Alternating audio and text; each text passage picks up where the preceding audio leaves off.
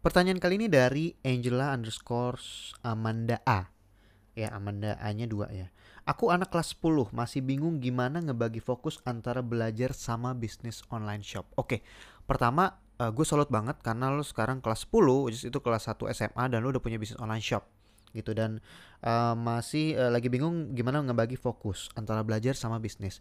Ya, hebat banget gitu ya karena udah udah punya udah bisa meluangkan waktu lo untuk mengerjakan sesuatu yang uh, lo senengin gitu yaitu berbisnis kecil-kecilan membuat online shop. It's great gitu. Gue salut banget sama orang-orang seperti ini. Kalian masih muda, masih sekolah tapi udah bisa menghasilkan sesuatu gitu ya. Nah, menurut gue um, kebanyakan orang Indonesia itu kita nih biasanya ya sekolah kan kita dibayarin sama orang tua ya biasanya gitu ya kecuali beda kalau misalnya kalian bayar sendiri gitu ya tapi kalau misalnya dibayarin sama orang tua ada kalanya kita uh, kita respect lah sama orang tua kita kita udah dibiayai sekolah mahal-mahal gitu ya dikasih segala macam kita harus fokusin dulu gitu ya. Kalau gue sih gue tipe orang yang gue waktu itu waktu gue kuliah gue merasa gue harus selesai kuliah dulu habis itu gue baru terserah gue pengen ngelakuin apa yang gue mau gitu.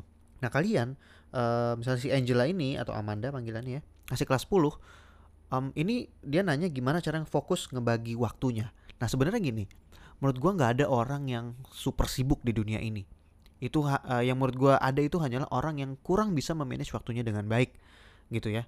Nah gimana cara manage waktu dengan baik gitu? Nah kalau misalnya uh, kamu masih sekolah gitu ya menurut gue misalnya sekolah Senin sampai Jumat Sabtu Minggu kan masih ada waktu gitu loh. Mungkin bisa dimanfaatin buat misalnya ngelola online shopnya gitu kan. Misalnya um, ada biasanya satu minggu aku main kak. Ada dua jam waktu main atau tiga jam waktu main. Ya mungkin bisa dikurangi sedikit untuk ngelola online shopnya. Oh aku online shopnya di weekdays kak. Di sana sampai jumat harus jaga gitu. Ya nggak masalah. Kalau misalnya lagi sekolah sekolah aja dulu gitu loh. Begitu pulang sekolah ada PR ya mungkin bisa dikerjain dulu. Pasti ada waktu kok gitu loh. Entah itu setengah jam atau satu jam gitu loh. Dan gue juga uh, udah pernah punya clothing line juga gitu ya. Kita bisa bikin kok uh, waktu operasionalnya kita gitu loh. Kita bisa bilang bahwa oh kita uh, waktu operasional kita dari jam sekian sampai jam sekian gitu loh. Misalnya orderan uh, orderan kamu akan diproses jam sekian ke sekian gitu loh. Jadi ya kita tahu kita masih sekolah ya kita coba balance gitu loh. Sekolah tetap fokus ya kita respect sama orang tua kita yang udah membiayai kita. Tapi ini nih yang lagi kita pengen bangun nih.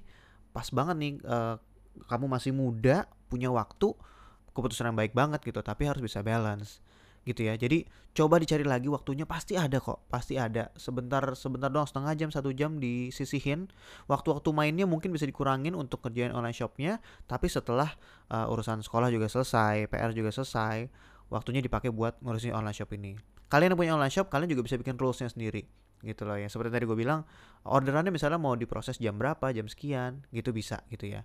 Atau kalau mungkin ada temen yang bisa ngebantuin atau orang rumah gitu yang bisa bantuin jadi admin gitu. Kita coba aja sebenarnya ada berbagai cara lah gitu. Tinggal gimana kita pinter-pinternya aja puter otak gitu supaya bisnis kita ini tetap jalan ya. Meskipun kecil-kecilan tapi tetap jalan tapi sekolah juga lancar gitu ya. Sukses ya buat Angela Amanda buat online shopnya. Semoga bisa laris manis dan sekolahnya juga cepat lulus dapat nilai yang bagus oke? okay? Thank you ya buat pertanyaannya buat kalian-kalian yang mau ikutan tanya juga bisa cek instagram gue @benakribo terus ke bagian highlights gue di situ ada bagian ask me kalian bisa buka di situ dan ada bagian kolom untuk naruh pertanyaan. Nanti gue akan memilih pertanyaan-pertanyaan dari situ untuk gue jawab di podcast ini. Dan jangan lupa kalau misalnya udah terjawab atau misalnya kalian merasa podcast ini bermanfaat bisa mention gue di Instagram Stories, screenshot podcast ini dan kalian bisa kasih komentar dan jangan lupa mention gue at Benakribo. Oke, okay?